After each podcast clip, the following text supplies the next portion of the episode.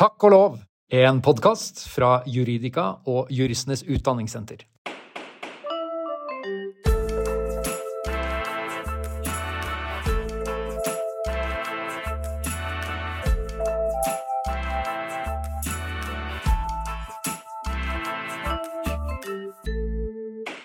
Hei og hjertelig velkommen til Takk og lov, hun er alene. Dette er fremdeles en podkast for deg som lurer på hvordan jussen og kanskje også juristen egentlig henger sammen, men i denne varianten, takk og lov hun er alene, så er det altså bare jeg som tenker høyt om et eller annet juridisk spørsmål som opptar meg. Det kan jo i grunnen være hva som helst, men har så langt blitt en føljetong om hatytringsparagrafen i straffelovens paragraf 185. Det skyldes at det i høst kom to nye eh, sentrale dommer om denne bestemmelsen, som viser en tendens i utviklingen av praksis i retning av at bestemmelsen brukes mer til individvern enn til samfunnsvern. Jeg skal komme litt tilbake til det. Men det skyldes også at bestemmelsen nå er eh, til revidering etter at Ytringsfrihetskommisjonen foreslo endring i formuleringen av bestemmelsen. Eh, og det har kommet inn en rekke høringsuttalelser til eh, denne og de andre, dette og de andre forslagene eh, fra Ytringsfrihetskommisjonen. Den høringsfristen gikk ut i slutten av januar. Men den episoden jeg skal ha i dag, den skal også handle om denne bestemmelsen. Og da om siste kapittel, kan vi si, i høstens omstridte dissensdom om paragraf 185, nemlig HR 2022-1707 eh, som handlet om en eh, rasistisk, eller eh, da ble bedømt hatefull, ytring fremsatt på Jessheim togstasjon. Eh, den eh, ble, der ble tingrettens og lagmannsrettens dommer opphevet fordi man ikke hadde vurdert spørsmålet om tiltaltes forsett dekket det forhold at den han snakket til, var et barn. For det var det at det var et barn som gjorde at dette ble spesielt krenkende, eh, mente Høyesterett. Nå har Romerike og Glåmdal tingrett vurderte dette spørsmålet, nemlig om forsettet dekket også det forhold at tiltalte forsto, eller måtte forstå, at uh, fornærmede var et barn, og har kommet frem til at det er ikke bevist. Så nå er altså denne mannen frifunnet. Og denne episoden skal handle om um, den siden av denne saken som går ut på at det har betydning for straffespørsmålet om fornærmede eller den man snakker til, fremsetter en hatefull ytring overfor, er et barn. Dette høres jo i utgangspunktet veldig bra ut, ikke sant? At man uh, setter terskelen for hatefulle ytringer lavere når det er et barn som blir utsatt for de hatefulle ytringene. For de er naturlig nok mye mer sårbare, eller kan iallfall være det. Men dette resonnementet, nemlig at uh, barn skal ha en annen type vern mot hatefulle ytringer enn voksne, det gjør jo også at det å fremsette en hatefull ytring, det kan bli bedømt ulikt om du fremsetter ytringen overfor en voksen eller overfor et barn. Og det kan det jo også være gode grunner til, selv om det ikke alltid er like lett å vurdere om folk er over eller under 18 år. Det reiser i det hele tatt en god del problemstillinger, ikke bare av bevismessig art, men også av mer prinsipiell art, som jeg skal bruke ørlite grann tid på i denne episoden. Men først må vi rekapitulere hva saksforholdet i denne saken egentlig var. Saken dreide seg altså om en krangel på en togstasjon. Den ble initiert av en beruset mann på 57 år overfor en ung kvinne, altså et barn, på 16 år og 10 måneder. Og det han sa, eh, blant mange andre ting, var eh, sitat, 'Dra tilbake til Somalia, så får du det mye bedre, for der får du ikke noe Nav'. Sitat slutt. Han var der på togstasjonen sammen med konen sin, og hun, eh, altså fornærmede, var der med noen venninner, og hun hadde tørkle på hodet. Flertallet i Høyesterett, som i lagmannsretten, tolket dette som et diskriminerende personangrep fordi det var knyttet til fornærmedes afrikanske bakgrunn, hudfarge eller religion. Etter at de hadde tolket utsagnet ut fra den konteksten det var fremsatt, så mente de at det måtte Sitat, forstås slik at tiltalte mente i uttrykk for at personer med fornærmedes utseende og klesdrakt normalt mottar ytelser fra Nav, og at de derfor burde reise tilbake til hjemlandet sitt. Sitat slutt. Den tolkningen eh, er iallfall én av flere mulige tolkninger. Og konteksten ut fra bevisførselen den ble ansett for å være amper, at eh, tiltaltes tone var amper. Eh, og så er det det forholdet at tiltalte var en voksen og fornærmede var et eh, barn, som gjorde at lagmannsretten, og da også eh, flertallet i Høyesterett, mente at det var klart at den alminnelige tilhører ville oppfatte utsagnene som en grov nedvurdering fremsatt over fornærmede fordi hun ble omfattet som somalisk. Og det er sånn som denne type spørsmål vurderes. De skal vurderes ut fra hva den alminnelige tilhører må antas å ha oppfattet ytringen som i den konteksten der den ble fremsatt, og av eh, den personen som fremsatte dem, den vurderingen man gjør av dem, og av den personen som blir utsatt for dem, den vurderingen man gjør av dem. Og dette meningsinnholdet, sånn som Høyesterett så det, det var klart sårende, smakløst og fornærmende. Men, understreker Høyesteretts flertall, for dette var jo en dissensdom, det ville ikke vært kvalifisert krenkende dersom ytringen hadde vært fremsatt overfor en voksen. Så øh, ingen av dommerne mente at øh, uttrykket var over terskelen for det straffbare i 185, fremsatt overfor en voksen, men flertallet mente at det var det fordi den ytringen var rettet mot, var et barn. Uh, og så understreker flertallet for så vidt at uh, selv om det var straffbart fordi det var fremsatt overfor et barn, så lå ytringene helt i nedre sjikt av hva som er straffbart, også overfor barn. Så langt, så godt, kunne man tenke, i, uh, og da kunne man jo bare dømme denne mannen. Men det kunne man ikke, sa Høyesterett, fordi det var ikke tilstrekkelig bevisførsel om mannen forsto, eller burde forstått, at den han snakket til, var et barn. Så derfor så måtte saken behandles på nytt. Og det ble den, altså nå, i Romerike og Glåmdal tingrett, dom av 16.01.2023. Og der ble mannen frifunnet. Og hvorfor det? Jo, fordi det ikke ble bevist at han hadde hatt forsett, altså forstått, eh, og likevel gjort eh, det han gjorde, at han hadde hatt forskjell med tanke på tiltaltes alder. Det gjelder jo skyldspørsmålet. Hvilken skyld har han utøvd? Og den skylden den må egentlig dekke over alle elementene i gjerningsbeskrivelsen, og også da, eh, sånn som det ble utkrystallisert i Høyesteretts praksis, at eh, man måtte forstå at, tiltalte, nei, at fornærmede var et barn, eh, fordi det var det som gjorde at ytringen ble ansett for særlig grov.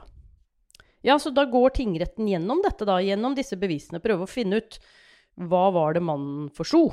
Og hvordan gjør den det? Jo, den går inn og ser på de vitneforklaringene som finnes i saken, om hva de andre på stedet oppfattet alderen hennes som.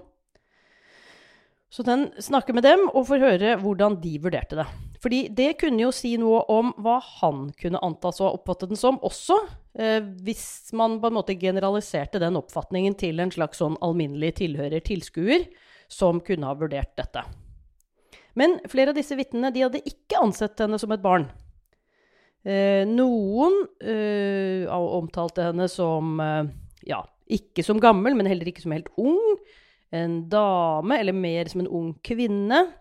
Mens eh, et av vitnene, som selv var 16 år gammel, eh, mente kanskje at hun var nærmere 16 år gammel fordi hun gjenkjente kanskje mange trekk ved henne som hun gjorde at hun tenkte at hun var på hennes egen alder. Men heller ikke hun var så sikker på dette, sånn at da kunne ikke retten finne det bevist utover rimelig tvil eh, at det var den eh, gjengse oppfatningen blant de som var på stedet, av hvordan alderen hennes egentlig var. Og det var kanskje ikke så rart, fordi hun var, skal vi se, 16 år og 10 måneder på det tidspunktet hvor denne ytringen ble fremsatt. Så etter denne bevisførselen om uh, hva de omkringliggende uh, kunne anta at uh, alderen hennes var, og dermed hva tiltalte med rimelighet kunne antas å forstå eller måtte ha forstått, så fant ikke tingretten det bevist at forsettet hans dekket alderen hennes, sånn at da ble han frifunnet. Og dette er jo ikke så kontroversielt. Eh, når ikke skyld finnes bevist, eh, i henhold til alt som må finnes bevist, så kan ikke folk dømmes eh, etter den straffebestemmelsen de er tiltalt. Og det er jo skyldspørsmålet. Men dette med barnets alder og hvilken betydning det har uh, i denne bestemmelsen, det har jo også en side til straffespørsmålet. Nemlig hva er det egentlig som rammes av 185, uavhengig av hvem det er som fremsetter ytringene. Det er ikke noe tema uh, for tingretten. Og det er ikke så rart, for det var ikke noe tema i Høyesterett heller. Um, Sånn at det er ikke noen egen vurdering av tilskuernes oppfatning som noe selvstendig poeng, og dette problematiseres ikke i forhold til straffespørsmålet. Men det lurer jeg på om man kanskje burde gjort. Både for så vidt at Høyesterett burde sagt noe om det, um, og at tingretten burde ha vurdert det på eget initiativ. Fordi er det nå så sikkert at det bare er tiltalte som må ha oppfattet fornærmede som et barn for at straffebudet er overtrådt? Og for å svare på det, så må vi egentlig vurdere hva som, hva, hva som, er målet med Eller hvorfor det er sånn at barn skal bedømmes annerledes i denne situasjonen enn eh, voksne. Er det fordi de er mer sårbare enn voksne selv? Eh, eller er det fordi krenkelser som er rettet mot barn av samfunnet, vil bli oppfattet som mer alvorlige fordi vi tenker at barn generelt sett er mer sårbare? Altså er det hensynet til det individuelle barnets egen opplevelse av krenkelse? Eller er det en vurdering av uh, samfunnets, eller de tilskuerne som er til stede, deres oppfatning av at dette er mye mer grovt fordi det, uh, den uh, hatefulle ytringen fremsettes overfor et barn fremfor en jevnaldrende eller noen som er eldre, eller ja, noen som iallfall ikke er i den samme eh, maktubalanserte posisjonen i forhold til den som snakker. At det har betydning med maktubalanse mellom ytreren og den som blir utsatt for ytringen, det er fastslått i tidligere praksis. Der er det lagt vekt på, i skjerpende retning, eller i retning av at ytringen fremstår mer grov, at den som ytrer seg, er eldre, og den som blir utsatt for ytringen, er yngre. Men det er altså ikke tilfellet her. Her er jo spørsmålet eh, ikke egentlig ubalanse i alder, men om fornærmede er akkurat over eller akkurat under 18 år gammel. Nemlig om man er et barn, og derfor som barn, ut fra menneskerettslige og grunnlovsmessige betraktninger, har et særskilt vern. Det siste er det jo helt riktig at man har. Spørsmålet er om det forholdet alene er nok når man skal vurdere en bestemmelse som paragraf 185. For den er, som jeg har snakket om i eh, noen tidligere episoder, egentlig ikke en bestemmelse til vern om det enkelte individ. Den er en samfunnsvernbestemmelse. Så har den utviklet seg til også å verne mot direkte personlig sjikane. Men ikke slik at det, den direkte personlige sjikanen i seg selv er nok til at straffebudet er overtrådt. Fordi det er bare ytringer som er fremsatt offentlig, eller i andres nærvær, som kan straffes etter 185. Ytringer som er fremsatt på tomannshånd, de kan ikke straffes etter 185. Og det tilsier jo at det iallfall er et element av eh, spredning av ytringen som må være oppfylt for at den skal kunne være straffbart. Noen må ha oppfattet og hørt det som ble sagt. Og disse noen er jo dem ytringens grovhet skal vurderes ut fra. Det er jo den alminnelige tilhører eller tilskuer eh, som på en måte er målestokken for om ytringen er grov nok til å være et brudd på 185. I så fall så må jo også tilhørernes oppfatning av ytringens grovhet, og i dette tilfellet da fornærmedes alder, være et relevant og egentlig nødvendig bevistema. Og hvis det er det, så må det jo føres bevis for at også de oppfattet at fornærmede var et barn. I tilfelle blir det to vurderinger. Den ene av tiltaltes forsett om vedkommende skjønte eller måtte skjønne at den han snakket til, eller hun snakket til, var et barn. Men også eh, en vurdering av om de som sto rundt og hørte på, eller kanskje i generalisert form den alminnelige tilskuer, eh, også måtte forstå at den som ble utsatt for ytringen, var et barn. Høyesterett sier som sagt ikke noe om dette, og det var for så vidt ikke avgjørende for dem, ettersom skyldspørsmålet i saken uansett ikke var bevist, sånn at eh, de dommene måtte oppheves. Men det er jo likevel litt pussig å vurdere om noen er skyldig i noe, før man vet om dette noe i det hele tatt er straffbart. Altså om det objektive straffbarhetsvilkåret grov nok hatefull ytring fordi noen er et barn, som oppfattet av tilhørere, er oppfylt. Hvis vi likevel dykker ørlite grann ned i eh, denne, hva skal vi si, kanskje nye retts, rettslige situasjonen, da, at eh, det er, har avgjørende betydning for vurderingen av om en ytring er så grov at den kommer inn i 185 eller ikke, eh, om den som blir utsatt for ytringen, er eh, et barn, så åpner jo det egentlig opp for en rekke spørsmål som kanskje ikke er så lett å ta stilling til. Jeg diskuterte dette med min gode kollega Vilde Tenfjord hos Norges institusjon for menneskerettigheter. Eh, og vi ble i grunnen usikre på hvor lett dette ville være å operasjonalisere i praksis. Og det er jo viktig. Når man står overfor straffebud, så er det jo viktig at uh, det er rimelig klart uh, hva som rammes og ikke rammes uh, ut fra legalitetsprinsippet i strafferetten. Og det er jo også en fordel om de kan, straffebudene altså, kan praktiseres på en måte som er rimelig og oversiktlig både fra påtalemyndighet og domstolenes side. Det første spørsmålet som oppstår, det er jo er Vil vurderingen være avhengig av de tilskuerne som tilfeldigvis er til stede, eller skal man ta utgangspunkt i et slags generalisert variant av et publikum? F.eks. den alminnelige eh, tilskuer eller tilhører, sånn som eh, Høyesterett tidligere har gitt anvisning om. Hvis det er det siste, så kan det jo være lettere på én måte, men da vil bevisførselen kanskje være vanskeligere, for da vil vitneutsagn på stedet mm, ikke nødvendigvis kunne brukes, iallfall ikke alene, for hvor representative er de?